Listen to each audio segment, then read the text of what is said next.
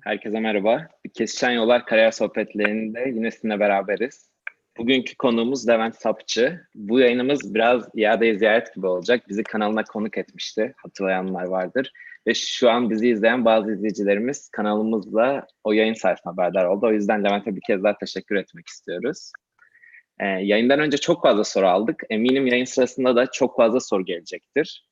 Ondan lafı hiç uzatmadan sohbete geçeceğim. Ama ondan önce çok kısa bir hatırlatmayla başlamak istiyorum. Bir kısmınızın bildiği gibi kanalımızın takipçilerini arttırmaya yönelik olan ve büyük ödülü 1000 TL değerinde etkinlik bileti olan, biletleri olan bir yarışmamız var. Bu devam ediyor. İlgisini, ilgisini çeken izleyicilerimizin aşağıdan kayıt olmasını öneriyoruz. Videonun altında kayıt linkini bulabilirsiniz.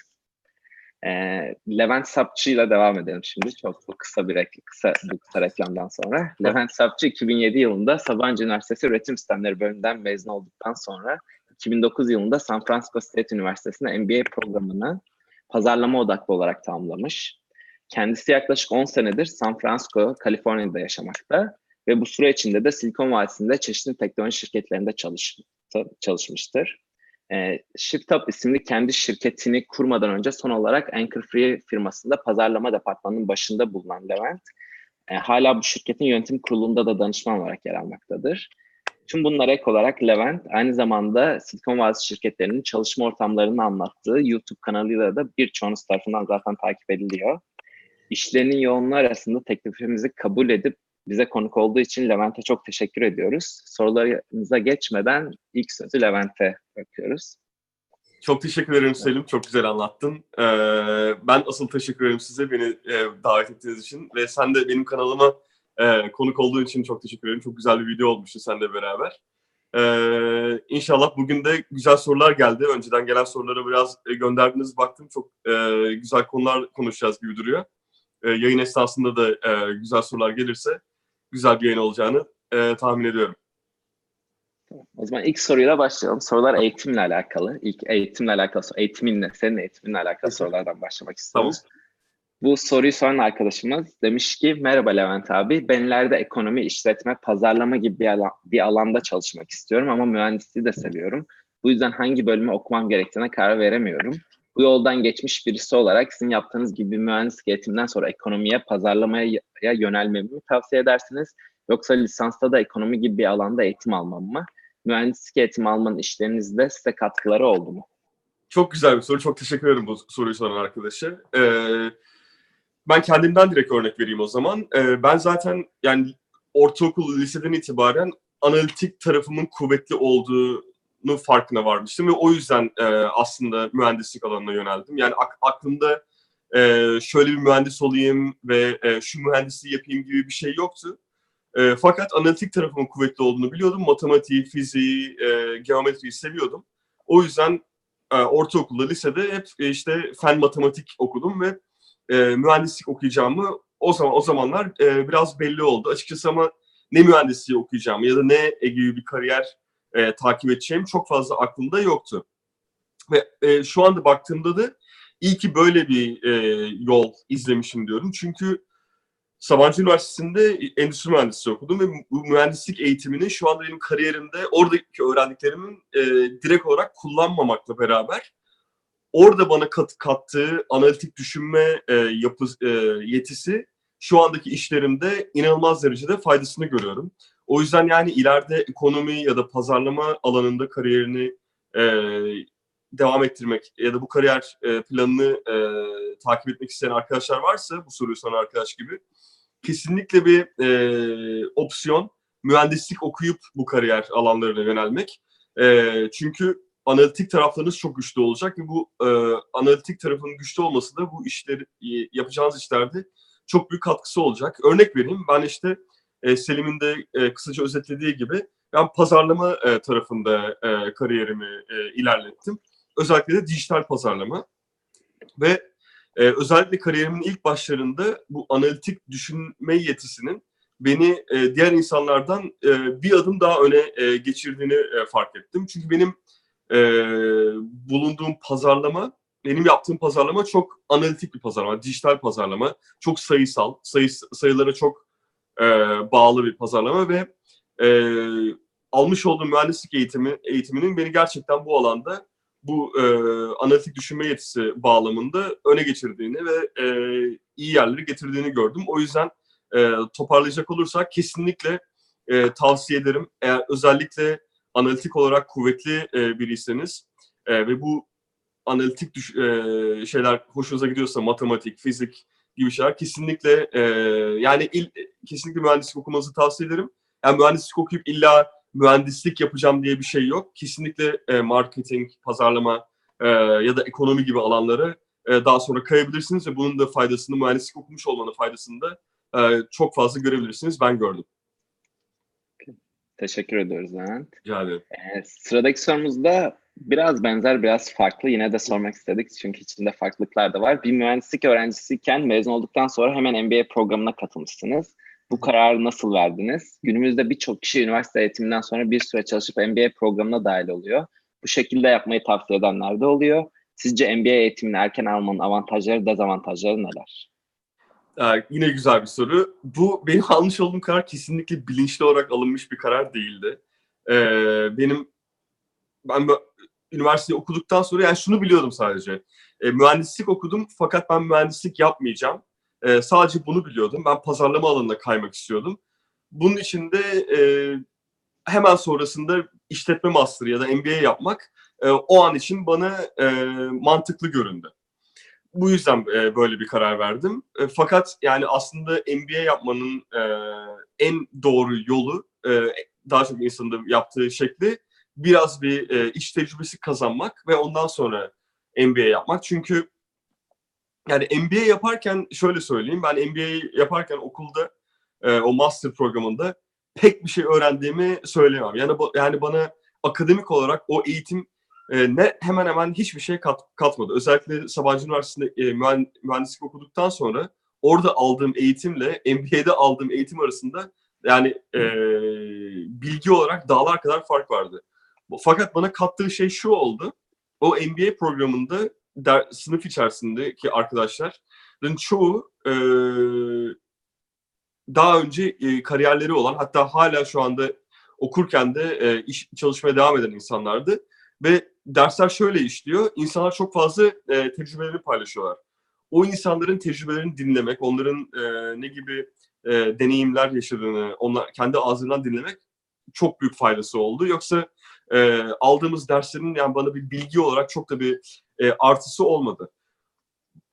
Farklı bir artısı da bana şu oldu. Yani Amerika'da Amerika'ya gelip burada e, çalışabilme imkanı sağladı. Çünkü biliyorsunuz yani e, burada bir master programı okuduktan sonra e, mezun olduktan sonra bir iş çalışma e, izni geliyor. Yani en büyük artısı bu oldu diyebilirim. Ama kesinlikle bilinçli olarak alınmış bir karar değildi. E, MBA yapmayı düşünen arkadaşlara yani bunu e, söyleyeyim. MBA yapmanın en büyük artısı şu, o e, programdaki diğer insanlarla tanışmak, networking'e çok büyük katkısı var. Çünkü e, piyasanın içinde e, şu an e, da çalışan e, çok fazla insanla tanışıyorsunuz. Onlar size bambaşka kapılar açabiliyor. Onların deneyimlerinden e, çok fazla şekilde yararlanıyorsunuz. O yüzden e, biraz böyle iş tecrübesiyle MBA yapmak e, çok daha faydalı olacaktır e, diye düşünüyorum. Yani e, ben diğer türlüsünü bilinçli olarak e, yapmış e, değilim. Diğer türlüsünü ta- e, tercih e, tavsiye ederim kesinlikle. Okey. Şimdi bir soru daha var. Bir arkadaşımız fizik okuyup daha sonra girişimcilik yapmakla ilgili ne düşündüğünü sormuş ve Elon Musk örneğini vermiş. Hı hı.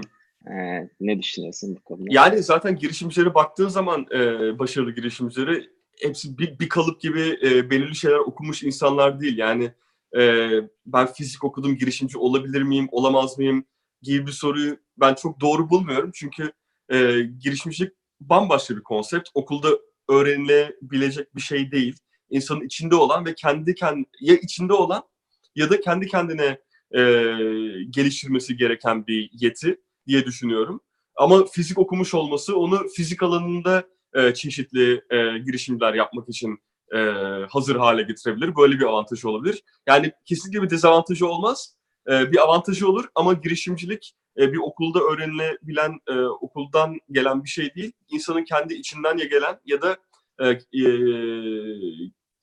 çeşitli girişimcilerin hayat hikayelerini dinleyerek, okuyarak kendi geliştirebilmesi gerekebilen bir yeti. O yüzden e, yani fizik okumuş olmasının eksi bir yönü yok, artı bir yönü kesinlikle var. Fakat girişimci olmak istiyorsa ya içinden gelmesi lazım ya da e, başarılı girişimcilerin hayat hikayelerini çok iyi anlaması lazım diye düşünüyorum. Ben şimdi bir ara kısa açıklama yapmak istiyorum. Bazı arkadaşlarımız yayının tekrar olacak mı demiş. Bizim yayınlarımız zaten YouTube kanalında kalıyor. Sonradan başını kaçıran, daha çok da bir şey kaçırmadınız. 5 dakika kaçırdınız ama 5-10 dakikalık bir kısmı kaçırdınız. Sonradan izleyebilirsiniz tabii ki baş kısmı. Ee, o konuda da hatırlatalım. Bu soruları soran, chatte soran arkadaşlar var. Sıradaki soruyla devam ediyorum. Abi orta derecede bir üniversitede dil bilerek ve kendimizi geliştirerek Silikon Vadisi'nde çalışma ihtimalimiz var mı diye sormuş bir arkadaşımız. Ee, aslında cevabı sorunun içinde gizli. O da e, kendini geliştirerek. E, okum, okumuş olduğun okulun kesinlikle bir etkisi var ama e, belirli bir yere kadar etkisi var. Ondan sonrası insanın kendisine kalıyor ve şu anda e, dü- günümüz dünyasında da artık bilgiye erişim e, çok kolaylaştı. Özellikle internet vesilesiyle. Yani e, dünyanın en iyi okullarına gitmiyor olsanız bile o okullarda verilen eğitimi e, ve o okullarda paylaşılan bilgileri e, bedava bir şekilde şu anda e, erişebiliyorsunuz. O yüzden iyi bir okulda ya da orta seviyede bir okulda okumak bir mazeret ya da bir bahane değil. Kesinlikle kendinizi geliştirip e, o seviyede e, eğitim alan insanların seviyesine ulaşabilirsiniz. Fakat şunu da söylemek istiyorum yani artık şu anda Silikon Vadisi'ne gelmek ve burada çalışmak e, sadece çok ne kadar iyi olduğunuza da bakmıyor. Belirli fazla e, ba- başka kısıtlamalar da var. Vize gibi. E, o yüzden yani bu da demek değil ki işte en iyi okullara gittim, en iyi şeyleri yaptım ama yine de e, Silikon Vadisi'ne gelemedim e, durumu da olabilir. Çünkü dediğim gibi çok bambaşka kısıtlamalar da var. Vize en başında. E, o yüzden e, böyle bakmak diye düşünüyorum. Yani kendinizi geliştirmeyi, kendi çabalarınızla ve kendi imkanlarınızla geliştirmeyi kesinlikle durdurmayın. En iyi okula da gitseniz, orta seviye ya da daha kötü bir okula da gitseniz bu e, değişmiyor. O yüzden kendinizi geliştirdiğiniz sürece bu kapılar her zaman açık olacak. O yüzden ke- kendi imkanlarınızı, kendinizi geliştirmeye e, her zaman devam edin. E, en şansınızı en iyi bu şekilde artırırsınız. Teşekkür ediyoruz. Hı hı. Bir soru daha var yine öğrencilikle alakalı. Bununla bu soruyla eğitimle alakalı soruları tamamlayıp diğer konulara geçmek istiyoruz. Hı hı. Selamlar. Öğrenciyken e, arkadaş atılmak ve yurt dışına kariyer yapmak için herhalde iş hayatına atılmak demek istemiş. Hı hı. Öğrenciyken iş hayatına atılmak veya yurt dışına kariyer yapmak için taktik ve trikleriniz neydi? Paylaşabilir misiniz? So- e, teşekkür etmiş.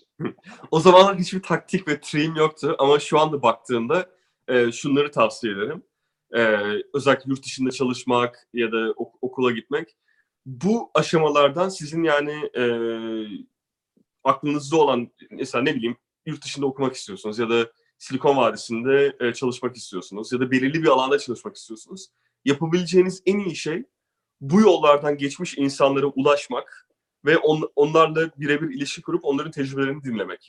Onun dışında e, bu yol, o yollardan geç, geç, geçmiş olmayan insanların size söyleyeceği şeyler tamamen kulaktan dolma bilgi olacaktır. O yüzden çok da e, bir değeri olacağını e, düşünmüyorum. Özellikle Türkiye'de e, kendi tecrübe etmediği konularda e, tavsiye vermeyi insanlar çok seviyor.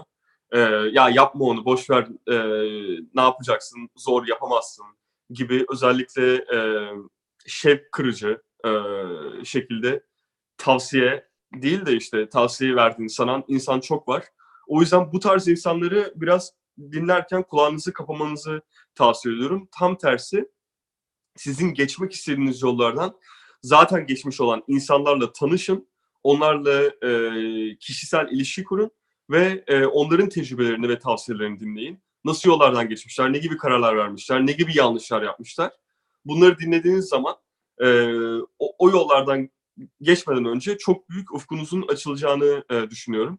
O yüzden e, LinkedIn bunun için çok iyi bir kaynak.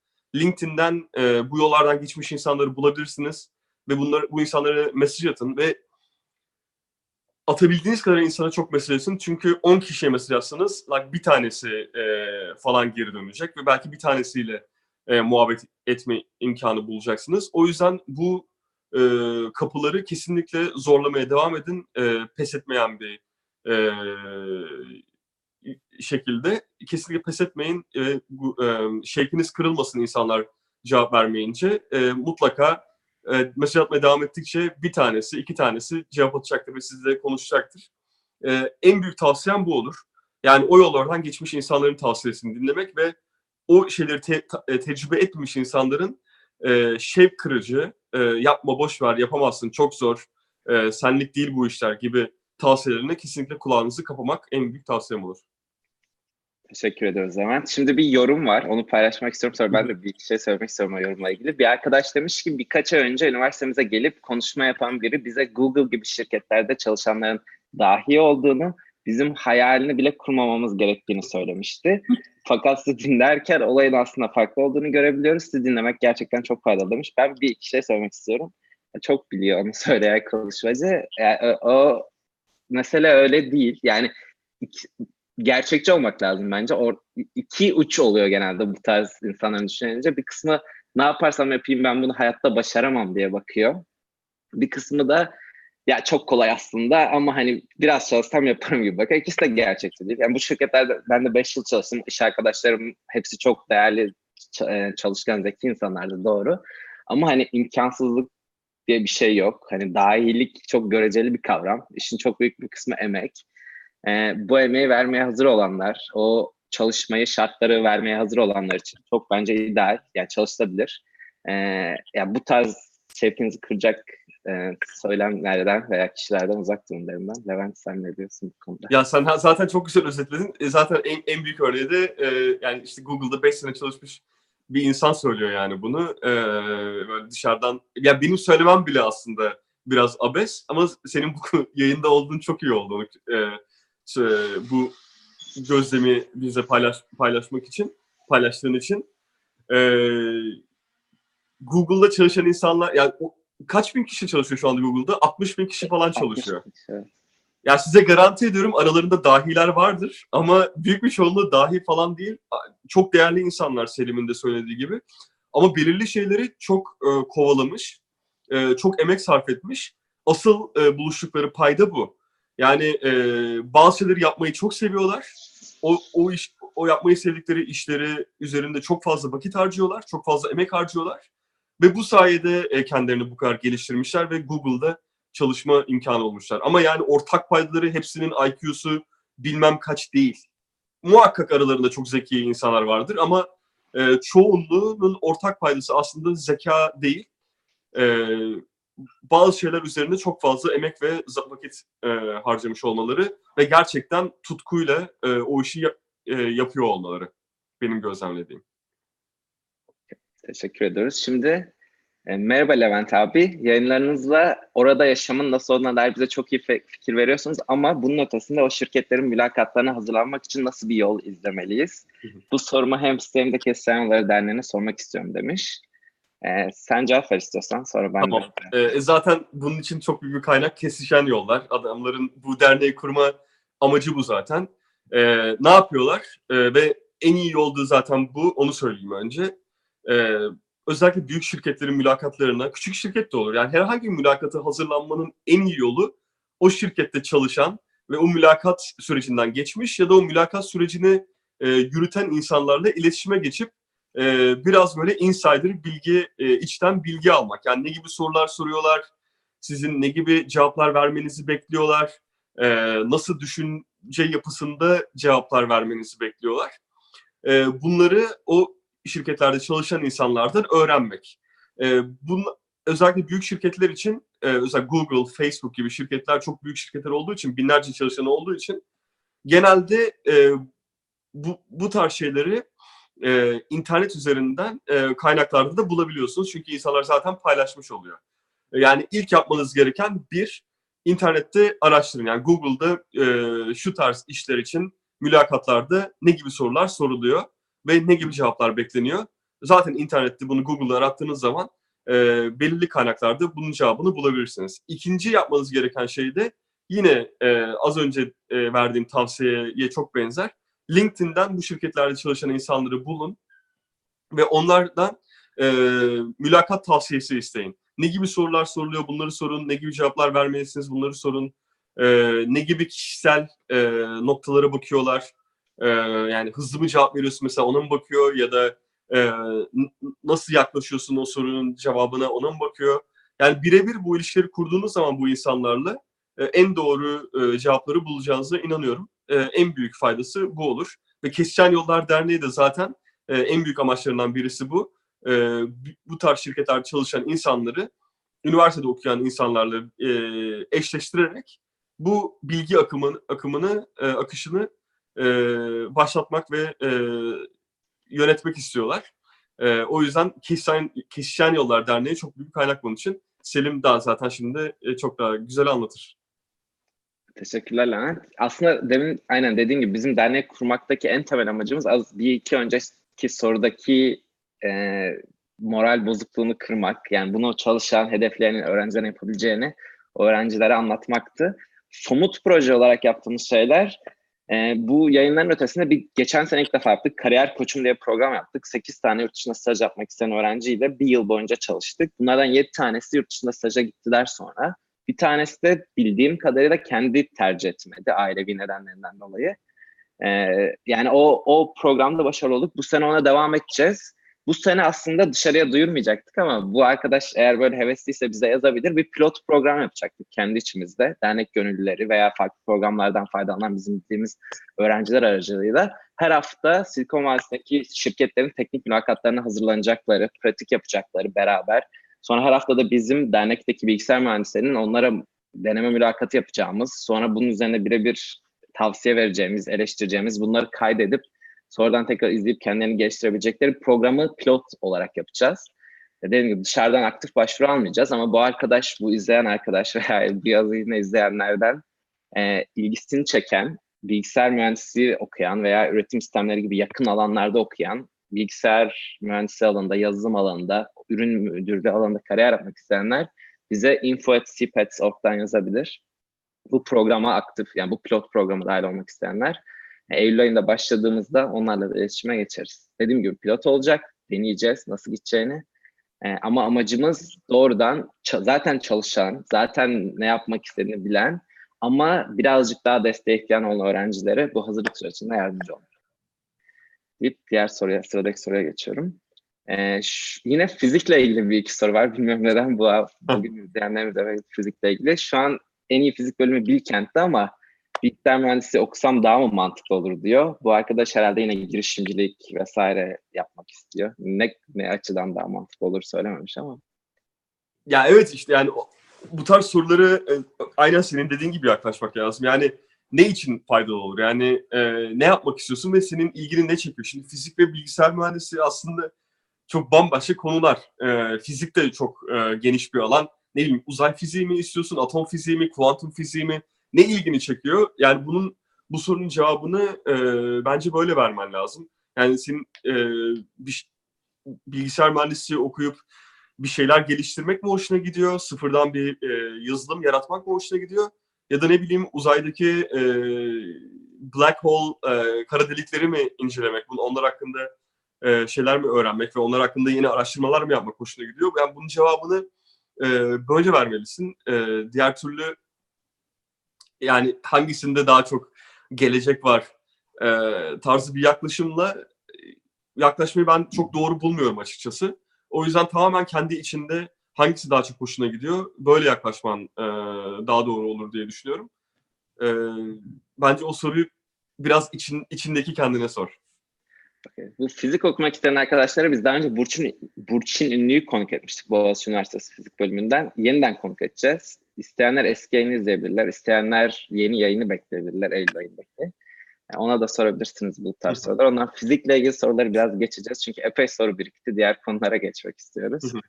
Ee, şimdi bir arkadaş sormuş. Mekatronik mühendisinin yurt dışındaki imkanları konusunda gözlemleriniz neler? Mekatronik mühendisi yurt dışında iş yapabilir mi demiş. Senin alanın değil ama kısaca bir şey söylemek istersen. E, geçenlerde benim YouTube kanalında e, bizim Sabancı Üniversitesi'nden Gökhan Atınç'ı konuk ettim. O da Sabancı Üniversitesi'nde mekatronik e, okumuştu. Evet benim alanım değil fakat benim gözlemlediğim kadarıyla mekatronik de e, ucu biraz daha nispeten açık bir e, mühendislik alanı. Mesela benim konuk ettiğim arkadaşım Gökhan mekatronik okudu fakat şu an yazılım mühendisliği yapıyor MathWorks e, şirketinde. Yani kendisini bu alanda geliştirip e, o alanda kariyer sahibi olabildi. Aynı şekilde e, mesela robotik alanında da e, ilgisi vardı. O alana da yönelebilirdi. O yüzden yani e, kesinlikle e, çok aşırı derecede e, imkan var. Yani Amerika'da çalışmak için. E, o, o soruyu öyle cevaplayayım ve e, biraz ucu açık benim gözlemli kariyerde bir mühendislik alanı olduğu için e, daha sonra yazılımcılığa da kayabilirsiniz ya da başka alanlara da e, kayabilirsiniz. E, o yüzden e, o o noktada bir e, şey olmasın, çekince olmasın diye düşünüyorum. Teşekkür ediyoruz. Hı hı. Ee, şimdi biraz iş hayatı sorularına geçmek istiyoruz. Tamam. Eğitimle ilgili sorulara vakit kalırsa yine geri döneriz. Peki. Ee, biraz Shift Up'tan bahsedebilir misiniz demiş. Hı hı. Kullanıcı edinimi nasıl oluyor? Kullanıcılara nasıl ulaşıyorsunuz? Doğru kullanıcıya ulaştığınızı nasıl analiz edebiliyorsunuz? Çok Evet. güzel bir soru sormuş. Arkadaşa çok teşekkür ediyorum. E, Shift Up'ı şöyle tanımlayabilirim. Önce Shift Up'ı anlatmadan önce e, kendim ben e, hangi alanda kendimi geliştirdim. Ondan sonraki Shift Up'ı neden Shift Up'ı kurdum? E, onu söyleyeyim istiyorsanız. Ben e, işte 9 senedir sanırım e, okuldan çıktıktan sonra çalışıyorum ve e, benim uzmanlık alanım mobil uygulanım mo- pardon mobil uygulamalar için kullanımı kul- e, kullanıcı edinimi. E, ben bu alanda kendimi geliştirdim. Yani herhangi bir mobil uygulama düşünün. Hem iOS'te hem e, Android'de bu kullan, e, bu uygulamalar için kullanıcı nasıl kazanılır? Ben bu bunun üzerine e, çalışmalar yapma üzerinde uzmanım. E, Shift Up'ta tamamen bunun üzerine kurulmuş bir şirket. E, oyun olmayan non-gaming mobil uygulamalar için kullanıcı e, büyütme, kullanıcı kitlesi büyütme üzerine e, şirketlere destek veren bir şirket. E, soruyu bir daha tek tekrar eder misin? Atlamak istemiyorum şeyleri. Yani şöyle aslında bir sonraki soruda ondan bir sonraki sorudan başlayalım önce istiyorsan. Onu Peki. sonra gördüm. An- Anchor Free'den ayrılıp Shift Up'ı Shift Up olarak kendi işinizi kurmaya nasıl karar verdiniz demiş. Demin esas sorduğum soru, yani bu şu soru yeni soru. Bir de demin sorduğum soruda Shift Up'tan bahsedebilir misiniz? Kullanıcı edinimi nasıl oluyor? Kullanıcılara nasıl ulaşıyorsunuz? Doğru kullanıcıya ulaştığınızı nasıl analiz ediyorsunuz? Peki. O zaman bir, bir adım daha geriye gideyim. Anchor Free'den niye ayrılmaya karar verdim? Shift Up'ı nasıl kurmaya karar verdim? Anchor Free'den ayrılma kararını Shift Up'ı kurma kararından bağımsız al, e, aldım. Anchor Free'den ayrıldığımda Shift Up gibi ya da herhangi bir şirket kurma gibi bir planım yoktu açıkçası. 2016 senesinin sonunda e, Anchor Free'den ayrılmaya karar verdim. Neden ayrılmaya karar verdim? Çünkü Anchor Free'de 6 sene boyunca çalışmıştım. Ee, Silikon Vadisi'nde startup şirketlerde zaten e, birkaç sene çalıştıktan sonra öğreniminiz biraz yavaşlıyor. Zaten Selim de çok iyi örnek verir. Google gibi, Google, Facebook gibi büyük şirketlerde her iki senede bir insanların takım değiştirmesi için, e, çalışanların takım değiştirmesi için teşvik vardır. Çünkü iki sene sonunda hem oradaki e, bilgi olarak kazanımınız hem de e, motivasyonunuz e, ve şevkiniz biraz böyle e, yavaşlar. O yüzden aynı şey e, startup şirketler için de geçerli. E, 6 sene çok uzun bir e, süre. Zaten yani e, başarılı insanların kariyerlerine baktığınız zaman 2-3 senede bir şirket değiştirdiğini görüyorsunuz e, Silikon Vadisi'nde. Ya bunun bir sebebi var çünkü hakikaten birkaç sene çok yoğun geçtiği için o şirketlerde hem şevk olarak hem motivasyon olarak hem de öğrenim olarak e, kişisel kazanım olarak o şirketten a- alacağı şeyler azalıyor. Benim de 6 sene aslında çok fazla kaldım Anchor. O bakımdan e, Anchor Free'den a- kazanım olarak benim e, aldığım şeyler çok azalmıştı. E, çünkü artık her şeyi çok iyi biliyordum o şirkette ve e, biraz böyle bu e, İngilizce tabirle comfort zone yani rahat e, bir ortam ortamda bulmuştum kendimi. Çünkü dediğim gibi çok hakimdim o şirketteki her şeye. E, yaptığım iş anlamında çok hakim olduğum için benim için çok kolaydı. Beni artık zorlamıyordu. O yüzden de benim kazanımım ve öğrenimim o şirkette azalmıştı. Açıkçası ben o şirketteki son iki senemde, e, dördüncü senemden sonra daha doğrusu e, böyle hissetmeye başlamıştım. Ama o comfort zone dediğimiz konsept o kadar tatlı ve rahat geliyordu ki hem iş, yaptığın iş kolay hem iyi para kazanıyorsun. O yüzden o comfort zone'dan çıkmak e, çok zor. Benim de iki senemi aldı o comfort zone'dan çıkabilmek. E, yani şu anda geri dönüp baktığımda e, çok büyük bir hata olduğunu e, görüyorum. Keşke daha önce çıksaymışım. E, çünkü dediğim gibi e, kişisel olarak gelişimim azalmıştı ve aldığım keyif de azalmıştı açıkçası ama e, rahatlık ve kazandığım para tatlı geliyordu. E, neyse en sonunda o iki senenin sonunda o şeyi kırabildim ve dedim ki ben yani bunu bir böyle yara bandını çekip atar gibi e, çekip atacağım. E, hiçbir işe falan başvurmayacağım. Birkaç ayda kafamı dinleyeceğim, kafamı boşaltacağım. Çünkü dediğim gibi yani biraz artık böyle alt gözlükleriyle bakmaya başlıyorsunuz. O kadar fazla vakit e, geçirdikten sonra e, aynı şirkette ve aynı işi e, yaptığınız zaman. Dedim ki yani birkaç ay tamamen kafamı boşaltacağım, ara vereceğim. E, motivasyonum yükselir, e, vizyonum açılır. Ve çok doğru bir karar verdiğimi gördüm. E, üç ay ara verdim. Zaten orada e, bu YouTube kanalını kurmaya karar verdim. O üç ay boyunca hiçbir şey yapmadım iş olarak. E, iş aramadım, hiçbir şey yapmadım. Ve hakikaten de o branda beliren at gözlükleri e, yavaş yavaş böyle e, açılmaya başladı. Motivasyonum arttı, vizyonum arttı, görüşüm arttı. E, ve o üç ay içerisinde dedim ki aa bak benim için böyle e, opportunity'ler olabilir, e, olasılıklar olabilir. E, o arada açıkçası Shift Up şirketini e, kurmak aklıma geldi. Ve o e, verdiğim arada Shift Up şirketini e, kurmak için adımları attım. E, yani Anchor ayrılma kararımla Shift Up şirketini kurma e, kararını vermem arasında 3 ay gibi bir e, aralık var. E, o 3 ay aralıkta Anchor Free'den ki o e, ayrıldıktan sonra tekrar kendimi bulma, e, motivasyonumun artması, vizyonumun artması ve Shift Up şirketini öyle kurmaya karar verdim. Neden böyle bir şirket kurmaya karar verdim? Dediğim gibi benim uzmanlık alanım mobil uygulamalar için e, kullanıcı kullanıcı kazanımı ve bu alanda çok iyiyim. Bunu ya bir şirkete girip ne bileyim pazarlama direktörü, pazarlama takımının başı olarak tek bir şirket için yapabilirim bir çalışan olarak ya da bir şirket olarak birden fazla şirkete şirket için yapabilirim diye düşündüm. Ve ikincisinin benim ilgimi daha çok çektiğine e, karar verdim. E, birden fazla şirket e, için yapmak istiyordum. Kendi takımımı kurmak istiyordum. O yüzden Shift Up şirketini kurdum ve e, onu büyütmeye karar verdim. Yani aldığım kararı böyle verdim. İkinci soruya gelecek olursak e, dediğim gibi Shift Up tamamen oyun olmayan e, mobil uygulamaları e, büyüme desteği veren bir şirket. İki tane ana e, hizmet veriyoruz. Birincisi reklam yoluyla e, kullanıcıları e, büyütmek, kullanıcı kazanımı. Özellikle mobil uygulamalar için e, reklam veri, verebileceğiniz e, kanallar çok belli. Bunların en büyüğü Facebook, e, Google, e, birkaç tane daha var. İşte Twitter var, Snapchat var. Bunlar en babalar. E, şu anda baktığınızda bütçelerin e, reklam mobil uygulamalar için reklam bütçelerinin yarıdan çoğunun bu e, en büyük babalara gittiğini e, görüyorsunuz. Biz bu platformlarda e, reklam kampanyaları oluşturarak e, mobil uygulamaların kullanıcılarının artmasını sağlıyoruz. Bu büyük babaların dışında da e, üçüncü parti dediğimiz farklı mobil uygulamalı e, mobil, mobil uygulama reklam networkleri var. Biz bunlarla da çok yakın ilişki içerisindeyiz. Yani bunların hepsi toplamıyla, e, bütünüyle çalışarak biz e, müşterilerimize bir reklam e, kampanya programı yaratıyoruz ve bunu A'dan Z'ye e, execute ediyoruz ve e, bu reklam kampanyaları vesilesiyle e, daha fazla kullanıcı gelmesini sağlıyoruz. Bu sorunun bir kısmı da çok güzel bir noktaydı. Şey, e, bunu nasıl takip ediyorsunuz ve nasıl ölçüyorsunuz? Bu reklamları takip ve ölçme sistemleri var e, çeşitli. E, örnek veriyorum mesela Adjust ya da AppsFlyer gibi e, pazarda e, bütün uygulamaların kullandığı çeşitli ölçme e, çözümleri var.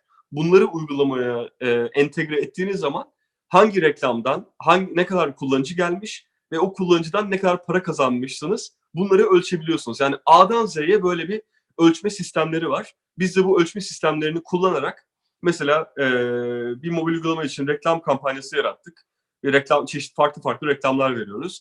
Her bir reklam için ne kadar para harcamışız, o reklamdan kaç kullanıcı gelmiş, o kullanıcıdan ne kadar para kazanmışız, A'dan Z'ye bunu ölçebiliyoruz. O yüzden e, mesela o, bir reklama 100 dolar harcadıysak o reklamdan 100 doları e, geri kazandık mı ya, ve onun ötesinde e, kar ettik mi bunları ölçebiliyoruz ve optimizasyonunu bu şekilde yapabiliyoruz. Yani bizim de e, ve bu günün sonunda da e, bizim müşterilerimize bu şekilde kazan, e, yarattığımız değeri onlara gösteriyoruz. Yani diyebiliyoruz ki bak biz seninle e, buna 10 bin dolar harcadık ama şu kadar kullanıcı getirdik ve şu e, 15 bin dolar da e, ciro geldi ve 5 bin dolar kar ettik. Buna daha fazla para basalım gibi şeklinde e, bu şekilde ölçeklendirebiliyoruz. Bu e, yolla e, ölçebiliyoruz. İkinci verdiğimiz bir hizmette e, adı App Store Optimization. Bu da organik olarak mobil uygulamanın e, mobil uygulamanın e, kullanıcısının organik olarak artmasına yönelik e, çalışmalar. Nasıl oluyor? Hem Google Play hem de e, Apple App Store'da e, bu uygulamanın li, liste, listinginin e, daha fazla görünebilirliğini artırarak daha fazla e, kullanıcının uygulamayı indirmesini sağlıyoruz. Yani bunun en basit şeyi çeşitli optimizasyonlarla e, belirli keyword yani e, anahtar sözcükte yukarılarda çıkmasını e, sağlıyoruz. Mesela örnek vereyim bizim müşterilerimizden bir tanesi Evernote biliyorsun not alma uygulaması. Yani İngilizce'de notes diye arattığında notes büyük bir e, anahtar kelime.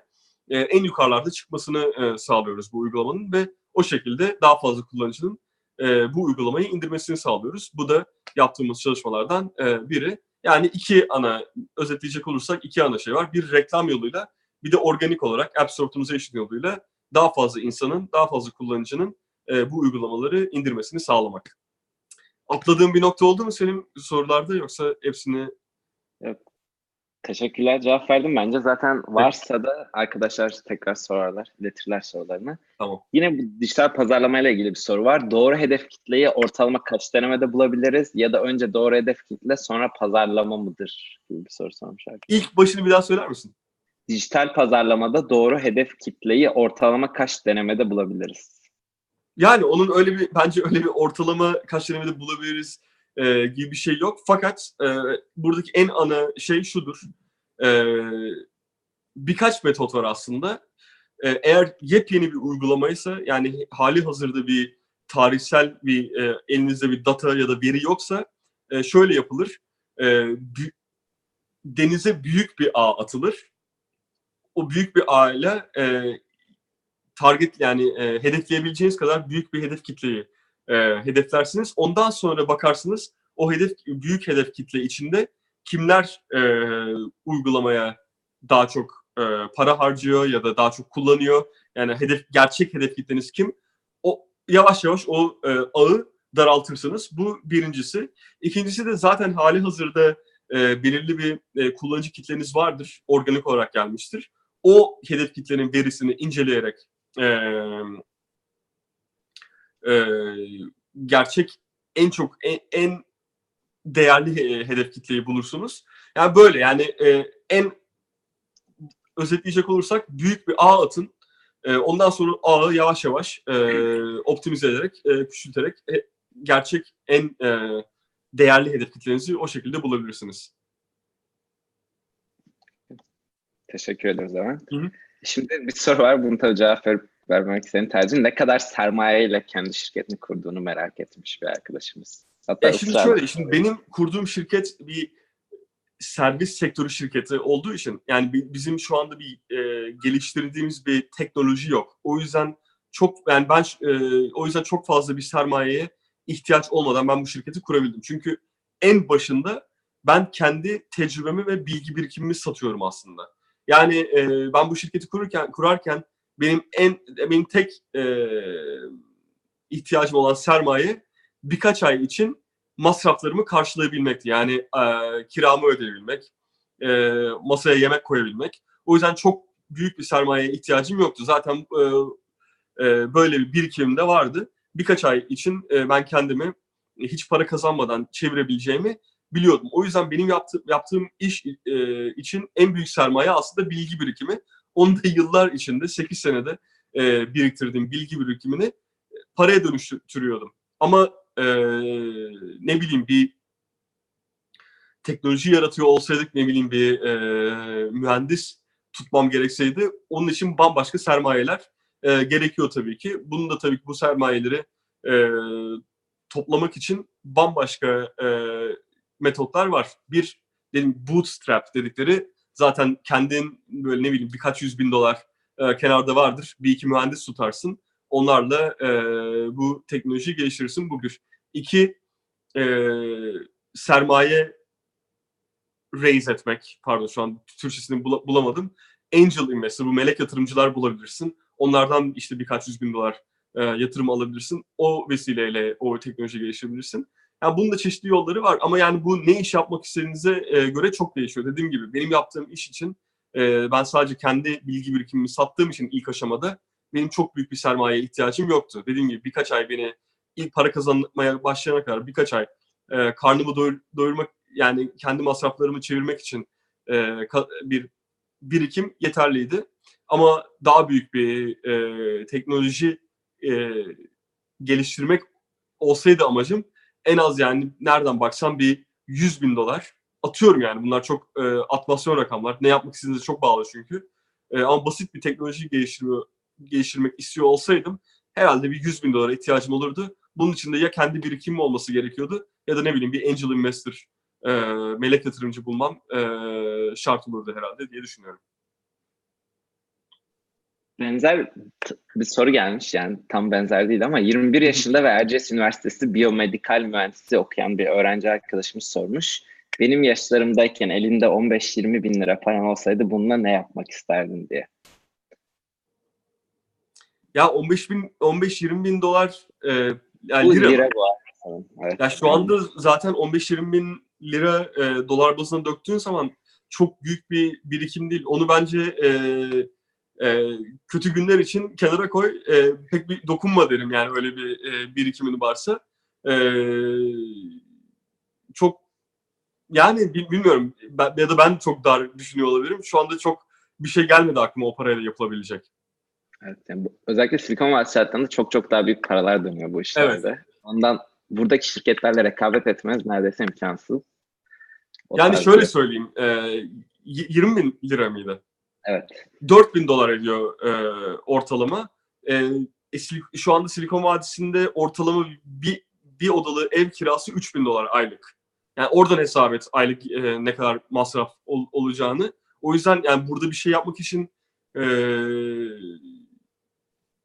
bir bir meblağ değil. Türkiye'de belki bir şeyler yapılabilir. Onun için de yani ne yapabilirsin? Şimdi arkadaşın e, geçmişini bilmediğim için e, çok da bil- bilmiyorum. Mühe- Yazılım mühendisi ise arkadaş mesela aklında bir proje, bir fikir varsa e, ne bileyim, mevcut işinden e, istifa edip o parayla geçinerek o ne bileyim 3-4 ay mesela o para onu idare edebilir. O 3-4 ay içinde de kafasındaki projeyi belki e, gerçeğe dönüştürebilir. O yüzden böyle bir e, şey için kullanılabilir bu para. Ama dediğim gibi arkadaşın geçmişini ve e, yetisini bilmediğim için çok da bir şey söyleyemiyorum. Teşekkür ediyoruz. Hı hı. Şimdi biraz yine eğitimde şunu okusam ne olur falan gibi sorular var. Onları en sona bırakacağım vakit kalırsa cevaplamak için. YouTube kanalıyla alakalı çünkü bayağı bir soru Hı hı. vardı. Tamam. O YouTube kanalı temasına geçelim istiyorum. E, neden bir YouTube kanalı başlattınız? Bunu bir hobi, hobi olarak mı görüyorsunuz demiş. Başka bir arkadaşımız ise bu kanalı yürütmenin ne gibi faydaları oldu demiş. İl, ilkinden başlayalım o zaman. Neden bu kanalı e, başlattım ve hobi olarak mı görüyorum? Bu kanalı başlatırken aklımda yani birkaç tane şey vardı. Tek bir amaç için başlatmadım. Dediğim gibi Anchor Free şirketinden e, istifa ettikten sonra başlattım. E, bir, en büyük sebebi şuydu. Biz Silikon Vadisi'nde yaşayan ve çalışan Türkler olarak burada belirli şeyleri deneyimliyoruz ve tecrübe ediyoruz ve belirli e, bilgi birikimimiz oluyor. Türkiye'de e, olmayan e, şeyleri tecrübe ediyoruz burada. O yüzden e, buradaki Türkler olarak Türkiye'deki gençlere bu bilgiyi nasıl aktarırız? E, bu bunu düşünüyordum ve bir YouTube kanalı e, kur, kurarsam ve hem San Francisco, Silikon Vadisi'ndeki e, yaşam tarzını, hem buradaki e, girişimci Türkleri, mühendis Türkleri, e, tecrübeleriyle ilgili videolar çekebilirsem yani bir şekilde böyle bir e, Silikon Vadisi ile e, Türkiye arasında bir köprü görevi görebilir. E, böyle bir faydası olabilir. Genç arkadaşlara özellikle, üniversite çağında ya da kariyerinin başındaki e, genç arkadaşlara e, bilgi aktarımı, tecrübe aktarımı e, anlamında, yol gösterme an- anlamında böyle bir e, faydası olabileceğini düşündüm. En büyük sebebi buydu. Bir. İkincisi e, şu, sıfırdan bir şeyler yaratmak insana çok büyük bir haz veriyor. E, sıfırdan bir e, video çekip e, onu insanların kullanımına e, için paylaşmak ve binlerce insanın da bu videoyu e, izlemesi, paylaşması, etkileşime geçmesi, o videoyu izleyip e, sorular sorması inanılmaz bir haz veren bir şey. O yüzden yani genç arkadaşlara zaten en büyük tavsiyelerimden biri şu olur. E, sırf video çekmek anlamında değil, e, sıfırdan bir şey yarat yaratmanın yollarını yollarına bakın. Yani yazılım mesela bunun bir e, yolu. E, yazılımcı arkadaşlar bu hazza fazlasıyla erişiyorlar.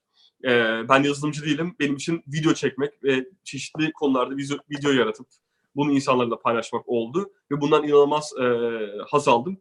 Bunu da e, genç arkadaşlara kesinlikle tavsiye ediyorum. Sıfırdan bir şeyler e, yaratıp insanlarla paylaşmak çok büyük haz veren bir şey.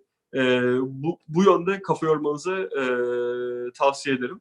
E, ikinci şey de buydu. Yani sıfırdan bir şeyler yaratmayı istiyordum. E, o yüzden kendimi e, o hazzı hissetmek için yaptım. E, üçün, üçüncü bir şey daha vardı aklımda da sanırım unuttum. Neyse aklıma gelirse tekrar söylerim. E, bana ne faydası oldu? E, çok büyük faydası oldu. Bir, Silikon Vadisi'ndeki e, girişimci Türklerle e, hiç tanımadığım girişimci Türklerle tanışma faydası oldu. E, tanışma imkanı yarattı bana. Tanıdıklarımla da oturup sohbet etme imkanı oldu. O yüzden e, inanılmaz derecede e, girişimcinin ve, te, ve e, Silikon Vadisi'nde çalışan insanın tecrübelerini oturup onlardan dinleme e, şansım oldu ve onlardan inanılmaz derecede çok şey öğrendim bu videoları çekerken. E, yani izleyen arkadaşlar zaten e, o izlerken çok e, fayda, faydalanıyor. Ben oturup o videoları çekerken bu insanlardan e, çok fazla faydalandım. En büyük faydası bu oldu. İkincisi de şu oldu. Türkiye'den çok fazla insanla tanıştım. Özellikle genç arkadaşlarla. Bana çok fazla mesaj atıyorlar. Türkiye'ye gittiğimde işte en son iki hafta önce Türkiye'deydim. Bir buluşma gerçekleştirdik. Yaklaşık 40 tane arkadaş katıldı. 3 saat boyunca, 2,5-3 saat boyunca bu arkadaşlarla sohbet ettik. Onla, onların tecrübelerini dinledim. Onların sorularını e, yanıtlamaya çalıştım el, elimden geldiğince. Bu da inanılmaz bir e, kazanım oldu benim için. E, en büyük kazanımlar e, bunlar oldu diyebilirim.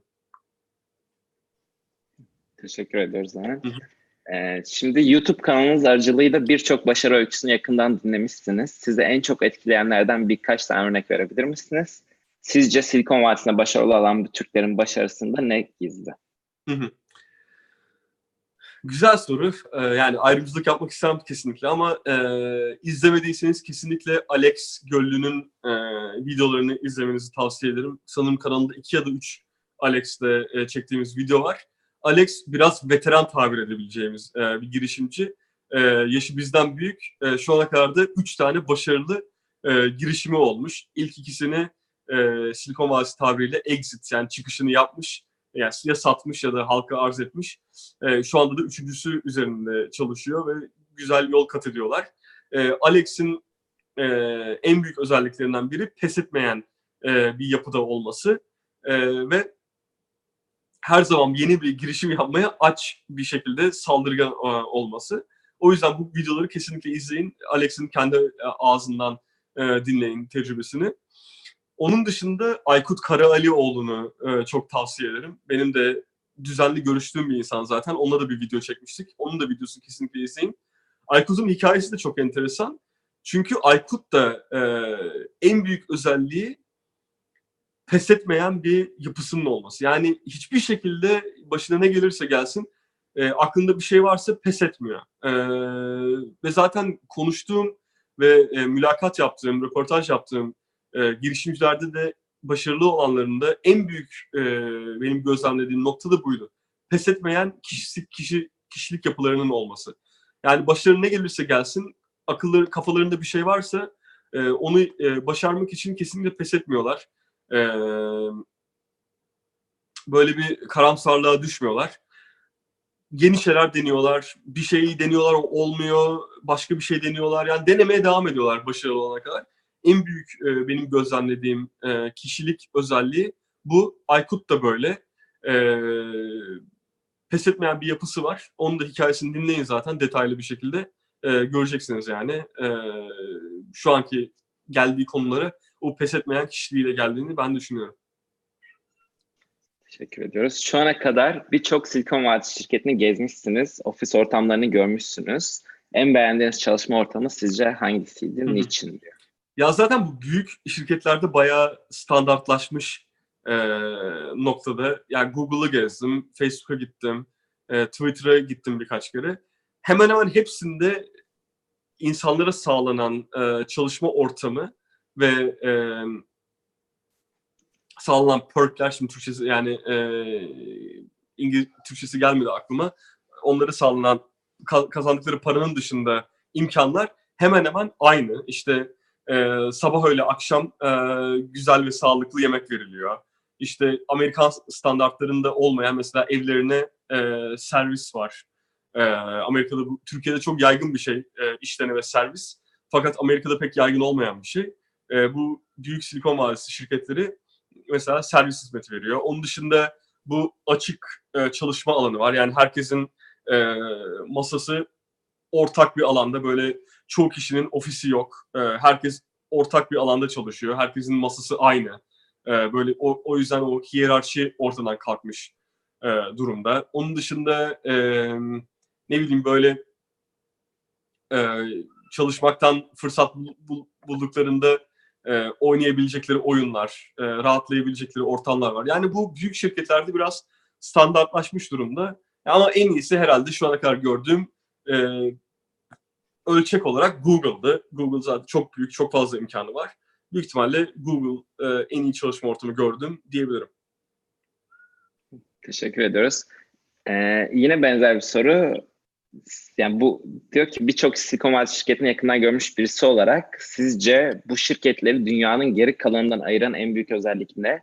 Neden birçok Silikon Vadisi şirketi inanılmaz başarılı oluyor?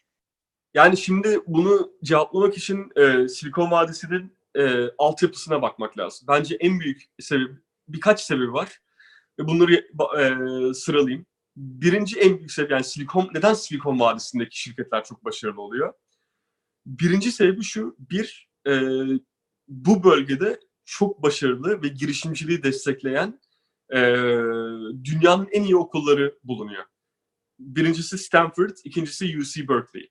Şimdi Stanford'a baktığınız zaman yani birçok mezunun ya da o okulda okumuş e, olan insanın e, çok başarılı girişimciler olduğunu görüyorsun. Zaten mesela mesela Google'ın iki e, kurucusu Stanford mezunu değil, mezun olmadan Stanford'dan ayrılan iki arkadaş. Ve Silikon Vadisi'ndeki çoğu e, başarılı şirketin de kurucularının büyük bir kısmının Stanford'da okumuş olduğunu görüyorsunuz. Bir kere Stanford'ın bu girişimcilik kültürünü empoze etmesi ve e, verdiği eğitimden ziyade o e, girişimcilik e, düşünce yapısını oku, öğrencilerine empoze etmesi en büyük sebeplerinden bir tanesi. Ve aynı zamanda da bu UC Berkeley ve Stanford gibi okullar dünyanın her yerinden en zeki beyinleri bir kere buraya çıkıyor. Yani Silikon Vadisi'ne her sene e, binlerce dünyanın en zeki beyinleri buraya pompalanıyor. E, en büyük sebebi bu. Bu okulların burada olması ve e, her sene bu okullarında dünyanın her tarafından en zeki beyinleri buraya pompalıyor olması birinci sebep. İkinci sebep de şu, e, zaten yıllardan, on yıllardır, e, yıllar yıllardan beri gelen bir e, girişimcilik altyapısı ve e, düşünce yapısının burada kurulmuş olması. Yani burada nereye baksanız, ya burada girişimci olmak çok kolay. Çünkü e, yatırımcılar burada, girişim sermayesi yatırımcıları burada. Yani dünyanın en büyük girişim sermayeci yatırımcıları Silikon Vadisi'ndeler. O yüzden e, bu böyle bir 10 yıllardan beri kurulmuş bir altyapı var. Yatırımcılar burada bir girişim kurmak istiyorsanız mesela e, bir e, avukatlık hizmeti almak istiyorsunuz. Sırf girişimcilik alanında uzmanlaşmış avukatlar var burada. Bunları e, erişiminiz çok kolay. Yani girişimcilik için ihtiyacınız olan her şeye e, erişiminiz çok kolay. Yani 10 yıllar önce zaten yavaş yavaş burada bir altı, girişimcilik altyapısı e, oluşmuş. E, o yüzden buradan çıkan şirketlerin başarılı olma olasılığı çok çok e, fazla artıyor. Onun dışında da e, kafa yapısı olarak Silikon Vadisi'ndeki insanların çok belirgin kafa yapılı, e, belirli bir kafa yapısı var ve bu kafa kafa yapısındaki insanların e, burada fazla olmasının da e, bu şirketlerin başarılı olmasının başarılı olmasında çok büyük etkisi var. Bu kafa yapısının nedir? En büyük benim gözlemlediğim bu Silikon Vadisi girişimci kafa yapısı bir etrafındaki insanlara e, tek bir şey beklemeden yardımcı olma e, mantalitesi. Yani bilgi paylaşımı Silikon Vadisi'nde e, çokça insanların başvurduğu e, bir özellik. Mesela e, Türkiye'li biraz karşılaştıracağımız karşılaştıracak olursak biz Türkler olarak biraz e, bilgi paylaşmaktan çekiniyoruz. Çünkü diyoruz ki ya ben ben bu bilgiye sahibim. Ben bunu pek paylaşmayayım çünkü yarın öbür gün gelir paylaştığım insan bana rakip olur. E, o yüzden bu bilgiyi ben kendime saklayayım. E, ben daha başarılı olurum. Silikon Vadisi'nde tam tersi insanlar sahip oldukları bilgiyi paylaşıyor ki etrafındaki insanlar da e, güçlensin ve hep beraber bir havuz olarak e, beraber e, başarılı olalım. Ve keza da bu çok e, etkili olan bir e, metot.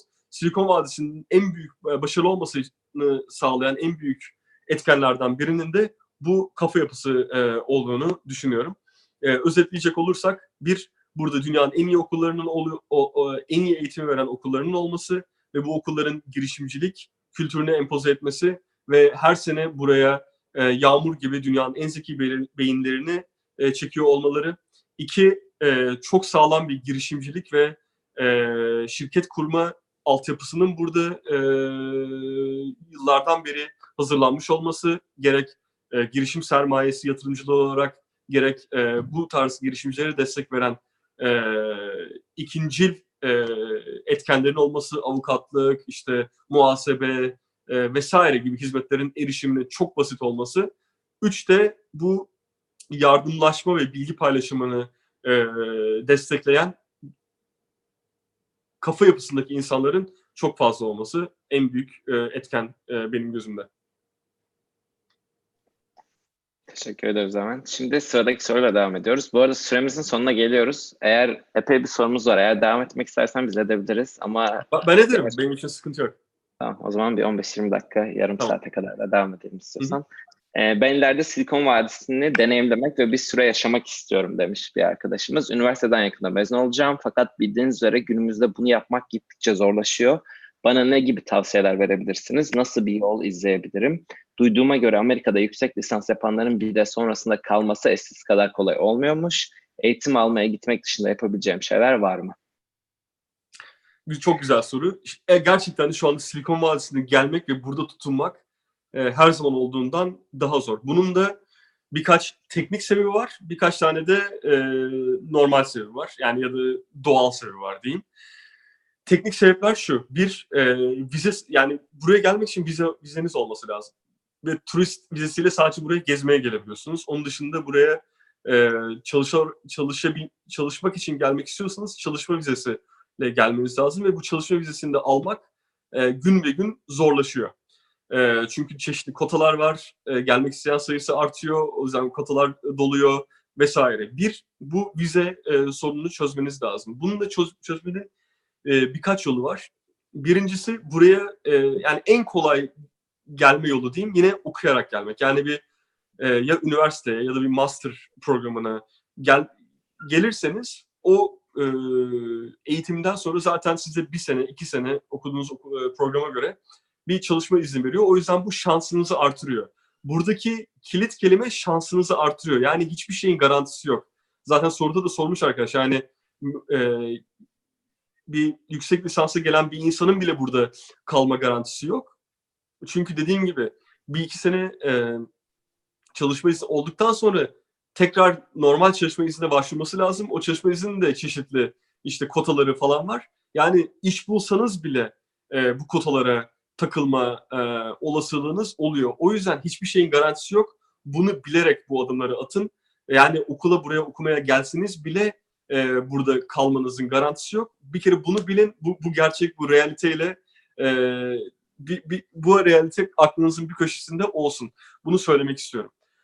Bundan da ziyade, bundan da öte diyelim ki bütün e, vize problemleri çözüldü, hiçbir vize sıkıntınız yok. E, green card çıktı e, lotaryadan ve e, geldiniz buraya. Burada tutunmak çok zor. Yani bunu da bilin. Ve bunun da az önce de Selim'le konuştuk ya, e, zekayla ya da e, dahi olmakla falan hiçbir alakası yok. E, tek tek şeyi şu, yaptığınız işte en iyi olmanız lazım ve en iyi şekilde kendinizi geliştirmiş olmanız lazım. Şimdi şöyle düşünün, sırf Türkiye'den değil, dünyanın her yerinden, hatta Amerika'nın her yerinden buraya gelmek isteyen, burada başarılı olmak isteyen insanlar var ve gelmeye çalışıyorlar. Siz bu insanlarla yarışıyor olacaksınız. Bu insanlarla e, rekabet içinde olacaksınız. O yüzden yaptığınız işte en iyi olmanız lazım. O yüzden yazılımcı mısınız? En iyi yazılımları ortaya koyuyor olmanız lazım. En iyi projelerde çalışmış olmanız lazım. E, o yüzden yani Silikon Vadisi gibi e, bir e, hedefiniz varsa özellikle bir yazılımcı olarak buraya gelmeden önce zaten kendinizi kanıtlamış olmanız lazım. Çünkü buradaki bir şirket size baktığı zaman e, demesi lazım ki evet bu adam hakikaten e, ortalamanın çok çok çok üstünde. Bizim bu adama ihtiyacımız var. Biz böyle bir adamı burada çok zor buluruz. E, o yüzden yani o rekabetin çok ötesinde olmanız lazım ki buradaki birinin e, gözüne girin. O yüzden e, gerçekten zor, gerçekten çok çalışmanız lazım, gerçekten çok e, üstün projeler ortaya koymanız lazım. E, böyle de bir e, zorluğu var. O yüzden bu ikisini beraber bir, araya getirdiğiniz zaman hem bize zorlukları var, bunu bir e, aklınızda tutun. Öte yandan da gerçekten yaptığınız işte çok iyi olmanız ve düzenli olarak kendinizi geliştiriyor olmanız lazım. Ben Benim tavsiyem bütün enerjinizi ve eforunuzu yaptığınız işte en iyi olmaya ve o işte de en iyi projeleri ortaya e, koymanızı, e, yoğunlaşmanızı tavsiye ederim. Ve e, şöyle bitirmek istiyorum. Yani her şey eğitim ve işte bir şekilde bir konuda kendi çok fazla e, bilgi sahibi olmak değil bir konuda en fazla tecrübeyi kazanmak. O yüzden öğren öğreniminiz devam ederken mutlaka pratikte de bir şeyler ortaya koyun. Asıl size bunlar e, öne çıkaracak şeylerdir. Yani teori bir yere kadar, pratik e, asıl sizi öne çıkaran e, faktör. O yüzden yani gerek üniversitede okurken ya da farklı şeylerin eğitimini alırken aynı zamanda da e, bunları pratiğe dökün bu pratiğe döktüğünüz projeler aslında sizi e, öne çıkaracak şeylerdir. E, en fazla e, eforunuzu ve çabanızı bunlara e, kanalize etmenizi tavsiye ederim ben. Teşekkür ediyoruz. Şimdi bir iki soru var birbirine benziyor. Aslında senin de oradan alın değil ama yine de ben sorayım. Makine mühendisliği okuyorum. Yazılım hoşuma gidiyor. IT sektöründe çalışıp bir yerlere gelmek için yazılım bilgisayar mühendisliği okumanın şart olmadığını duyuyorum. Çok farklı kaynaklardan duyuyormuş bunu. Bu durumda bir profesyonel olarak yorumunuz nedir? Makine mühendisi okuyup iyi şirketlerde yazılım mühendisi olup çalışabilir miyim? Yükselebilir miyim? Ee, bir de 12 hafta boyunca aynı arkadaş olmuş sanırım. Ee, bootcamp'e gidip insanlar nasıl top class şirketlerde çalışıyorlar? İnsan kaynakları, patronlar, yazılım mühendisi diploması olmamayı sorun etmiyorlar demiş. Ben bunu yani kendimce cevaplayabilirim. Ee, zaten bu konu hakkında da videolar çektim. Bu rotadan geçmiş arkadaşlarla. Mert Akanay var. Ee, onunla bir video çekmiştim. O mesela aynen senin dediğin gibi makine mühendisliği okumuş Türkiye'de. Ee, ondan sonra birkaç sene hatta makine mühendisi olarak çalışmış Türkiye'de e, inşaat sektöründe. Ondan sonra e, Green Card çıkıyor e, ve e, buraya geliyor bir bootcamp'e katılıyor. Kendini bir yazılım mühendisi olarak e, eğitiyor ve şu anda da e, gayet iyi bir şirkette yazılım mühendisi olarak çalışıyor buradaki anahtar şu e, aşırı derecede çaba yani kısa cevap şu. Evet e, makine mühendisliği okuyup e, daha sonra yazılım mühendisliğine kayabilirsin. Yani en basit cevabı evet bunun. Fakat şöyle bir şey var. Bu o kadar da e, söylendiği kadar kolay bir şey değil. Gerçekten bunu çok istiyor olman lazım. Yazılım mühendisliğine çok aşırı derecede ilgin olman lazım. Ve bunun için de aşırı derecede e, azmedip aşırı derecede çaba sarf etmen lazım. Yani bu kolay bir şey değil.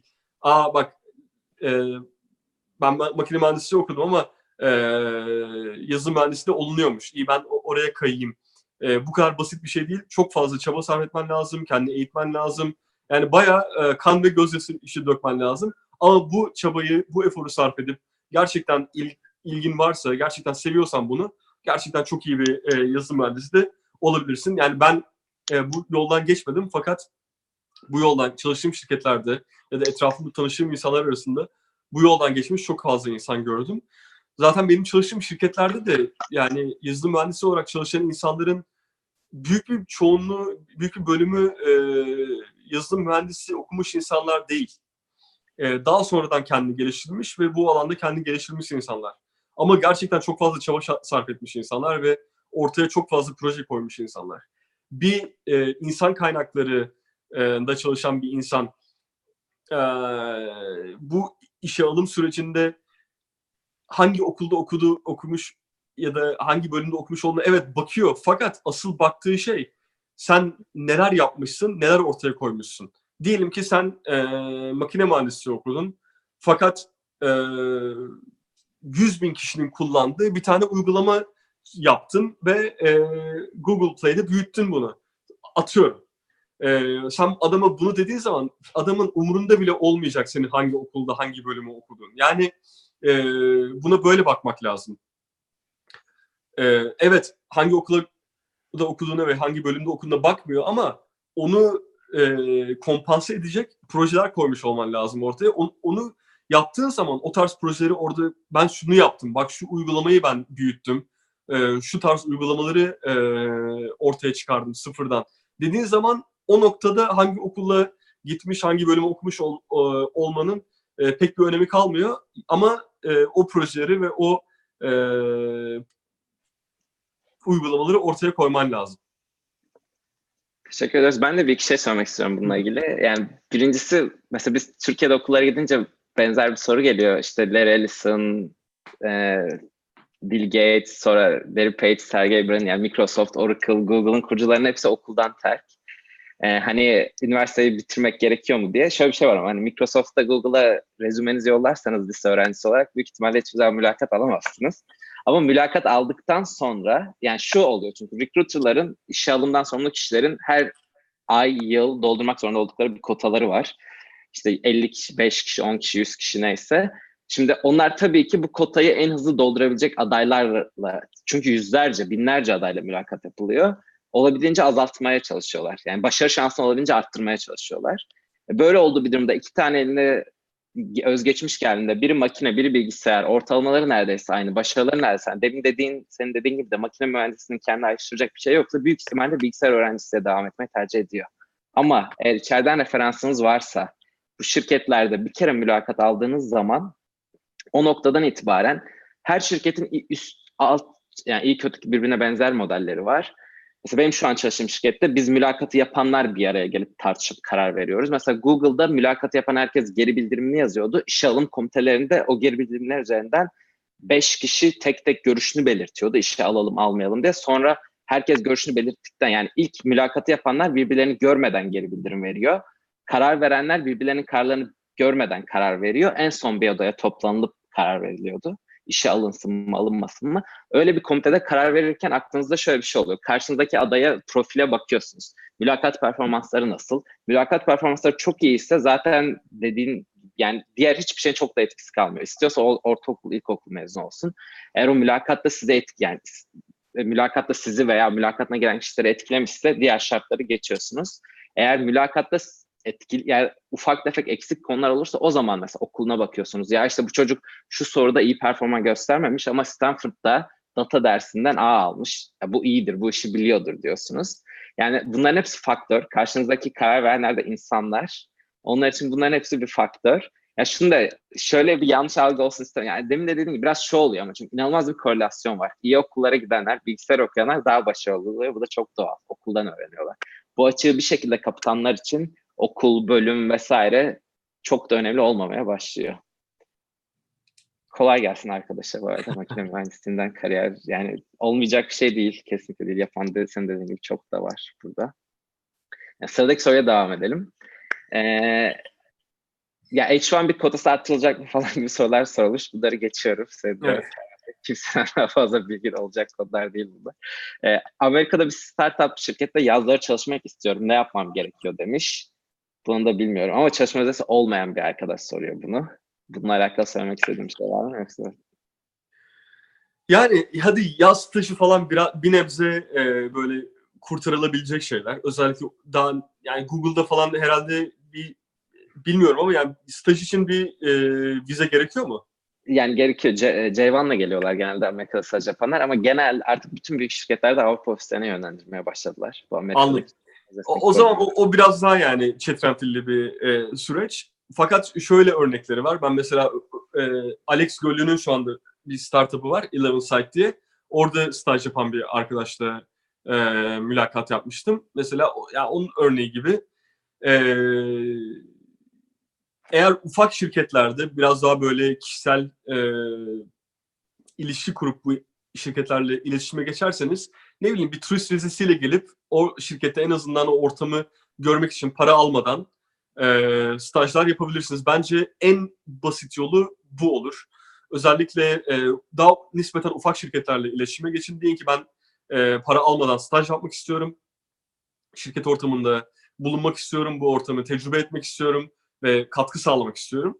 E, o yüzden çok fazla da o vize prosedürüne takılmadan biraz böyle açıkçası masa altı e, ama çok da kanunları delmeden e, bir bilmiyorum Selim belki e, katılıyor mu katılmıyor mu böyle Yani bir rotada yerler- olabilir kurumsal yerlerde tabii ona hiçbir izin vermez. kesinlikle. Ama daha startuplarda eğer özellikle de tanıdığınız varsa kurucusundan yani gelip turist vizesiyle gelip biraz hani vakit geçirenler var. Tabii ödeme vesaire alamıyorlar. Ee, bir sanırım eğitim vizesi gibi bir şey. Daha ben de yeni duydum çok bu işin. Ee, yani hani pratik yapmaya geliyorum deyip gelebiliyorsunuz sanırım. Ama bu ya şöyle bir şey var. Küçük şirketler genelde bunu bilmiyorum mesela sen de şirket sahibisin ayıracak avukat bütçeleri vesaire çok on- ona ayıracaklarını buradan birini bulmayı tercih ediyorlar. Büyük şirketlerde bu sizin kağıt işlerinizi yürütecek bütçe problemi hiç yok. Hani dert etmiyorlar ama büyük şirketlerin derdi şu siz stajyerlerin büyük şirketlerde tek amacı var ileride tam zamanlı çalışana çevirmek. Yani o çalışana çevirme şansları yoksa burada size bir yıl sonra çalışma vizesi aramayacaklarsa yazın siz stajyer almalarının bu ofiste hiçbir fayda yani anlamı yok. Ama dedim yani bu tarz arkadaşlar varsa izleyen, takip eden o bilgi birikimine, mülakatları geçecek seviyede olan Avrupa ofislerine başvursunlar. Bizi bizimle de iletişime geçebilirler. Biz biz bu tarz bize yazan arkadaşlara test yolluyoruz. Ne yazık ki bu tarz yazanların birçoğu testi hiç doldurmuyor bile ama dolduranlardan başarılı olanları yönlendiriyoruz biz büyük şirketlere. Ee, iyi yani başka bir soruya devam edelim. Biraz Tamam. bu hazırlık konularına geçiyorum çünkü bu konuda bilgisayar mühendisleri de konuk ettik. Oradan da takip edebilirler. Herhalde daha alan yani alanı bu olan, yazılım olan, yazılım mülakatlarından geçmiş insanlarla görüşebilirler. Genel tavsiyeler anlamında da videonun başını izleyebilirler herhalde bahsettin. Bununla alakalı sorular geliyor ama vakiti daha verimli değerlendirmek adına diğer konudaki sorulara geçiyorum şimdi. Tamam. Mezun olduktan, mezun olarak ye- kariyerine henüz kariyerimin başındayken bir startupta çalışmayı önerir misiniz?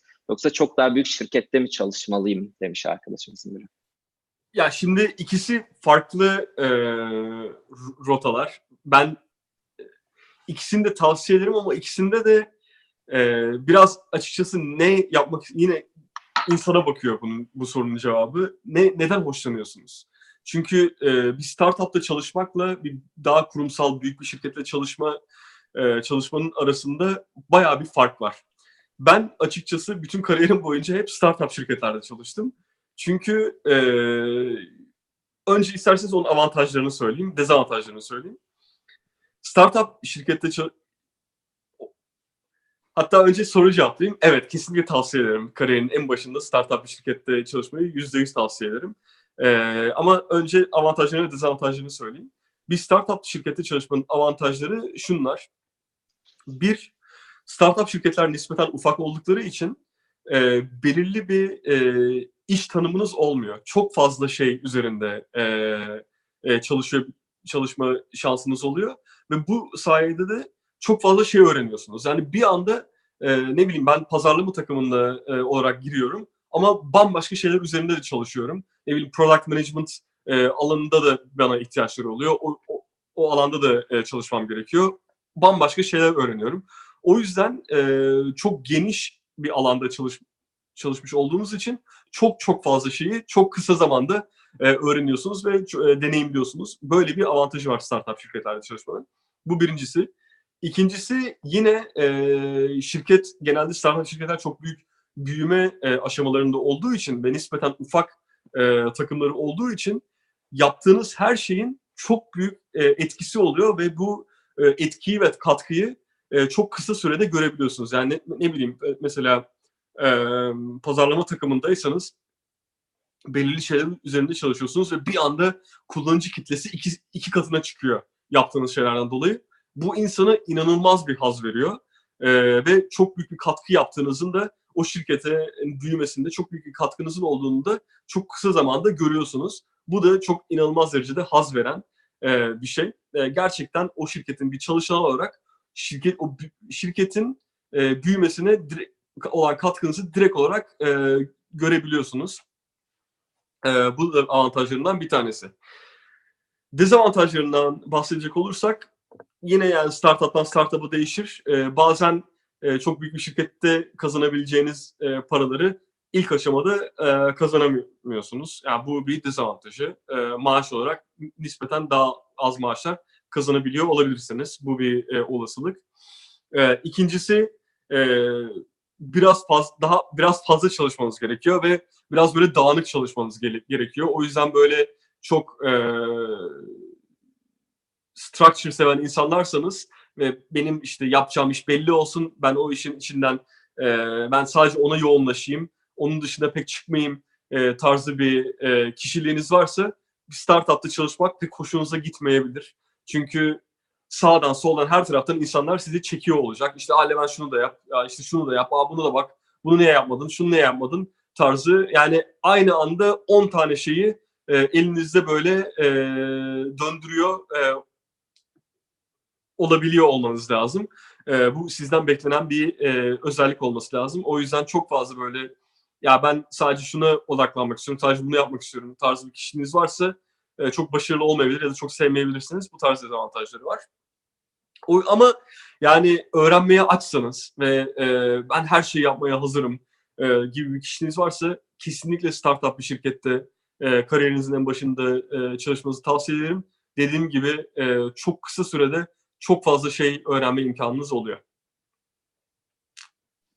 Teşekkür ediyoruz Levent. Şimdi e, bir yorum artı soru var. Sizce de önceye kıyasla artık çok fazla insan hayal etmiyor mu üst noktaları demiş arkadaşımız. Yani önceden çok bilinmediği için ABD rüyası daha kolay değil miydi? Artık herkes girişim kurmak istiyor. Herkes startup kurup zengin olmaya çalışıyor. Farklı bir dönem mi başlıyor acaba diye sormuş. Başkalarının ne yaptığı o kadar önemli değil. İşte ya, e, az önceki sorulardan birinde de buna e, aslında e, değinmiştim biraz. Bizim Türkiye'deki e, kafa yapılarından biri de şu. Bunu e, so, e, çok gittiğim yerde söylemeye çalışıyorum. Biz İngilizce tabirle zero sum game diye bir konsept var. Yani e, birileri başarısız olacak ki sen başarılı ol. Yani e, herkesin toplamı sıfır. E, birileri eksi olacak ki sen artı olabil. E, zero sum game e, bu demek. E, biz Türkiye'de ki eğitim sisteminden de dolayı e, biraz bu zero sum game'in içinde büyüdüğümüz için e, kafamızı biraz fazla işledi. Yani mesela üniversite giriş sınavında e, da böyle mesela. Yani birileri başarısız ol, senin sıra arkadaşın başarısız olsun ki sen e, belirli noktalara gelebil. Herkesin aynı anda başarılı olabildiği bir sistem yok. O yüzden bu e, çok fazla e, içimize işlemiş noktada. O yüzden ben başkalarının ne yaptığından ziyade kendimiz ne yapıp yapıyoruz ona odaklanmasını e, tavsiye ediyorum. Yani e, dünyada birçok farklı girişim kurulabilir. Başkalarının da farklı girişim, daha fazla insanın girişim deniyor olması sizin şansınızı bence e, negatif şekilde etkilemiyor. Sizin e, yapmak istediğiniz, sizin e, tutkulu olduğunuz alan belki bambaşkadır. Ona konsantre olun. Siz yapmak istediğiniz şeyi en iyi şekilde nasıl yapabilirsiniz? Ona konsantre olduğunuz zaman başkalarının ne, yapma, ne yapıyor olduğu çok da bir e, anlamını kaybediyor açıkçası. Teşekkür ederiz Ömer. Bu soru daha önce bize de konuk olan Zafer Elçik'ten gelmiş. Zafer'e selam söylüyoruz. E, Levent'in aklında Shift Up'ın geleceği ne demiş? Şu an bir ajans olarak çalışıyor ama product'a çevirme hayali var mı? Yoksa ajans olarak mı büyümek istiyor? Kısa vadede ajans olarak, olarak büyümek istiyoruz ama uzun vadede ajans olarak kal- kalmasını e, pek öngörmüyorum açıkçası. Çünkü ajans işi çok e, insan e, gücü gerektiren e, bir iş ve e, çok açıkçası uzun yıllar bunu bundan keyif alacağımı düşünmüyorum. Şu anda yani bir buçuk sene oldu. Çok büyük keyif alıyorum. Büyük ihtimalle bir iki sene daha e, çok büyük keyif alırım. Biraz daha büyütürüm. Fakat bu ajans işi hizmet sektörü olduğu için çok fazla e, insan e, eforu gerektiren bir şey. E, bir yerden sonra rutine gireceğini düşünüyorum. O yüzden e, çok fazla key, aldığım keyfin bir noktadan sonra azalacağını düşünüyorum. O yüzden kesinlikle bir e, ürüne çevirme e, isteğim ve düşüncem var. Fakat şu aşamada ne gibi bir ürüne dönüşür onu kestiremiyorum. Fakat güzel olan nokta şu, biz şimdi bir e, hizmet sağladığımız için e, yaptığımız işler de her sene çünkü bu işler değişiyor, e, büyüyor. E, bambaşka şeylere ihtiyacımız e, ihtiyacımız doğuyor. O yüzden ihtiyacımız e, ihtiyaç doğan bir şey üzerine bir mesela bir ürün geliştiriyor olabiliriz mesela bundan bir sene sonra. O yüzden bu işin içinde olmanın öyle bir katkısı var. Bakalım be- belki bir sene sonra ya bak elimizde şöyle bir e, teknoloji olsaydı işimizi çok çok daha iyi yapardık. ve çok çok daha fazla katkı sağlayabilirdik diyebileceğimiz bir şey muhakkak e, doğar diye düşünüyorum. Ve bunun üzerine de bir e, teknoloji geliştirebiliriz diye düşünüyorum. Aklımdaki fik- e, düşünce bu. Bir, bir iki sene içinde büyük ihtimalle e, bir ürünleşme e, içine gireriz diye düşünüyorum. Peki, Çok teşekkür ediyoruz bu cevabın için de. Ee, sırada çok hızlı bir soru var. Sence ilk 1 trilyon dolar değerine Amazon mu Apple mu ulaşacak diye bir sormuş bir arkadaş. Ya da Amazon mu Apple mı? Farklı bir şirkette düşünüyor olabilirsin sen. Bilmiyorum ben ama ikisi arasında te- e, tercih edecek olursak büyük ihtimalle Amazon derdim. Çünkü Ee, evet.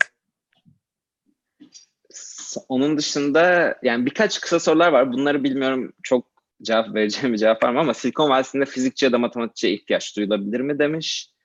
Yani arkadaş ne bağlamda sordu bilmiyorum ama tabii ki duyuluyor ama Yani e, ne- yani bir matematikçi bambaşka yani çok farklı alanlarda çalışabilir. O yüzden onun cevabı e, kesinlikle evet. Ama fizikçiye de duyulabilir ama yani fizik konusunda çok bir bilgim yok. O yüzden çok da atmasyon bir cevap vermek istemiyorum. Ee, Silikon Vadisi'nde yapay zeka uygulamalarının önemi büyük mü? Hangi alanlarda kullanılıyor demiş. Bu da çok geniş bir soru ama. Evet çok geniş bir soru. Zaten şu anda baktığın zaman e, aslında yapay zeka dediğin şey her şeyin içinde kullanılıyor ama en gözle görülür kullanım alanları zaten bu otonom arabalar. E, kendi kendine e, gitmeye çalışan arabalar. En çok da konuşulan e, konulardan biri de o. Ama fakat gün- günlük e, kullandığımız her şeyin içinde aslında yapay zeka var. He- hali hazırda da var zaten. Sadece bunların e, kullan ölçeği ve ma- magnitüdü biraz artı daha fazla artacak. E, ben böyle görüyorum onların gelişimini. Teşekkür ediyoruz. Bu arada bunu merak eden arkadaşımız da Microsoft'tan yapay zeka takımından Ece'yi konuk etmiştik. Onun yayınına da bakabilir. Ee, onun dışında Erasmus ve Work and Travel çok farklı şeyler olsa da Erasmus yapmanın CV'ye tabii ki de pozitif etkileyeceğini biliyorum. Fakat sorum şu ki, şu ki Work and Travel CV'ye pozitif bir şekilde etkide bulunur mu demiş arkadaşımız. Biraz gen, e, yani konu dağınık sorulardan gidiyoruz şimdi. Arada sorulan soruları hepsini çalışıyoruz. Ya bence bence çok fazla öyle CV'ye faydası olur mu? E, dan ziyade bu tarz şeylere bana faydası olur mu? E, gibi diye sorsanız kendinize çok daha faydalı sonuçlar alabileceğinizi düşünüyorum. Yani e, okuyacağınız şeyleri, okuyacağınız okulları, programları, yapacağınız aktiviteleri hiçbir zaman CV'me faydası olur mu diye karar almayın. Bana faydası olur mu e, sorusunu sorun. Cevabı evetse o zaman e, onları yapın. Mesela work and travel. Ne gibi faydası olabilir? Şimdi o da insandan insana değişiyor. Mesela diyelim ki e, sen sen e, ailesinin imkanı daha fazla olan bir e, birisindir. E, defalarca Amerika'ya gitmişsindir, Amerika'yı görmüşsündür, oradaki yaşam tarzını görmüşsündür. İngilizcen de hali hazırda okuduğun okuldan iyidir. Work and travel yapmanın sana çok bir faydası olacağını bence ben ben düşünmüyorum.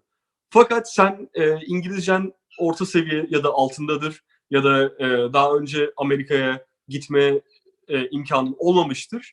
E, o noktada work and travel'ın sana çok büyük faydası olacağını düşünüyorum. Hem lisan iç anlamında hem de Amerika'daki e, yaşam tarzını görme anlamında çok büyük faydası olur. O yüzden bu tarz soruları tamamen kendiniz için e, bana faydası olur mu, bana ne faydası olur e, gibi sorun. CV'me ne faydası olur e, gibi sorarsa, sorarsanız bence yanlış cevabı e, alırsınız. Zaten bana faydası olur mu e, sorusunun cevabı evetse e, dolaylı olarak CV'nize de faydası olur zaten. O yüzden ona çok takılmayın. Bana faydası olur mu, bana ne faydası olur gibi e, yaklaşın bu tarz aktivitelere ve eğitimlere. E, daha fayda, e, sağlıklı bir cevap alacağınızı düşünüyorum. Teşekkür ediyoruz. Bazı arkadaşlar daha önce yayının başında soru, cevapladığın soruları tekrar soruyorlar. Onlara Tamam. önerimiz daha sonradan yayını baştan izlemeleri. Birkaç arkadaş seninle birebir iletişime geçmek istiyor. Onlara herhalde kanalını takip etmelerini ve istersen biz de paylaşabiliriz adreslerini. Tabii, adresini. benim işte yani ya da paylaşmak istersen istersen paylaş, istersen bize mail, at, mail atsınlar biz de eleyip paylaşalım seninle. Yani en doğru yol dediğim gibi yani ben zaten şu an elimden gelen- geleni YouTube kanalıma video çekerek yapıyorum. Bazen yani bi- bireysel e, sorular beni de çok zorlayabiliyor. E, çünkü çok fazla soru geliyor. E, benim de e, günlük işim var. Yani işimi bırakıp e, soru cevaplamaya, cevaplamaya kalksam 7-24 e, soru cevaplarım ve bazen sorular da çok e, spesifik e, sorular oluyor. Yani çok da verdiğim cevabın çok da faydalı olacağını e, düşünmüyorum. O yüzden en en büyük e, isterseniz yani YouTube kanalımı takip edin. Levent Sapçı diye aratırsanız e, YouTube kanalıma e, ulaşabilirsiniz. Oradan zaten yorumlar bırakın. E, o şekilde cevaplamaya çalışıyorum. Teşekkür ediyoruz. O zaman yavaş yavaş kapatalım bence. Çünkü Tamam. dediğim gibi soruların bir kısmı cevaplanmış. Bir kısmı da dediğim gibi çok tek, spesifik Hı hı. veya teknik sorular. Hem de senin alanın dışındaki sorular. Hı hı. Son bir arkadaşımız sormuş. Biz bunu diğer yayınlarda konuklara soruyorduk ama bu sefer izleyicilerden gelmiş. Türkiye'de bizi izleyen, şu an lisede, üniversitede olan gençlere genel olarak tavsiyelerin neler? Son kapan. Yani bir sürü tavsiye verdin ama kapanış olarak sence en önemli tavsiyeler neler? Onları, onu dinleyip öyle kapatalım yayınımızı. En büyük tavsiyem teoride öğrendiğiniz şeyleri pratiğe dökmeniz. Yani bunun çok birçok ör- ö- örneği olabilir. Yani ben de şu anda e, lisedeki ve üniversitedeki halime geri dönüp tek bir şey söyleyebiliyor olsam bunu söylerdim. E, teoride öğrendiğiniz şeyleri pratiğe dökün, gerçeğe dökün. Yani bir yazılım mühendisi için bunu e, materyalize etmek çok daha kolay. Yazılım mühendisi okuyan bir arkadaş e, lise, üniversitede hemen aklına gelen her projeyi yapmaya başlasın e, sektördeki insanlarla tanışmaya başlasın, onların ne gibi ihtiyaçları var, onlara yardım etmeye başlasın. Yani teorideki e, öğrendiğini hemen hızlıca ve durmaksızın e, pratiğe döksün. E, bunun e, farklı alanlardaki e, okuyan arkadaşları e, için ce- cevabı da şu, yapabildiğiniz kadar fazla staj yapın. Yani marketing mi öğrenmek istiyorsunuz, dijital pazarlama mı öğrenmek istiyorsunuz? Gene bunun cevabı e, pratiğe dökün e, öğrendiklerinizi, staj yapın, e, kendiniz freelance olarak e, dijital pazarlama e, yapın e, ufak şirketlere, ufak ne bileyim e, restoranlara mesela dijital pazarlama yapın e, freelance olarak. Ama öğrendiğiniz şeyleri e, en kısa zamanda e, özellikle üniversitedeyken e, pratiğe dökün ve e, ortaya çeşitli projeler ortaya koyun. E, en büyük tavsiyem bu olur. Yani tamamen sadece e, teorik öğrenime kendinizi kısıtlamayın. E, yapın. Yaptığınız zaman üniversiteden mezun olduktan sonra bambaşka noktalarda bulacaksınız kendinizi. Çünkü başka insanlar o, o işleri yapmamış olan insanlar sadece Aa işte ben şu okulda okudum, e, şu bölüm mezunum diyecek. Siz diyeceksiniz ki ben şu okulda okudum, şu bölüm mezunuyum ama e, şu şu şu projeleri ortaya koydum. E, sizi bambaşka noktalar e, çok daha fazla ileride adımlar e, öne e, çıkartacağını düşünüyorum. Çok teşekkür ediyoruz Levent. Ee, bu yayın için biz çok keyif aldık. İzleyen arkadaşlar da herhalde çok keyif aldılar ki bir sürü soru geldi peş peşe. Ee, sana tekrar çok teşekkür ediyoruz zamanın için, cevapların için. Ee, Estağfurullah. kapat- Asıl ben teşekkür ederim. Sağ ol. Beni konuk ettiğiniz için. Kapatmadan bir hatırlatma yapmak istiyoruz. Ee, normalde yayınlarımız hafta sonları oluyor. Yaz döneminde biraz ara vermiştik ama bu yayınla beraber yeni dönemimize de başladık. Yarın yine bir yayınımız var takip eden arkadaşlar için. Ee, Harvard Tıp Fakültesi'nde biyomedikal mühendisliği alanında çalışan Mehmet Toner konuğumuz. Türkiye saatiyle yarın akşam 8'de konuk olacak. Detaylı bilgiye web sitemizden veya Facebook e, sayfamızdan ulaşabilir izlemek isteyen arkadaşlar. Yarın akşam Türkiye saatiyle 8'de. Tekrar teşekkür ediyoruz sana. Hem sana hem izleyen arkadaşlara. Ben teşekkür ederim. Çok teşekkürler. Görüşmek üzere. İyi günler herkese.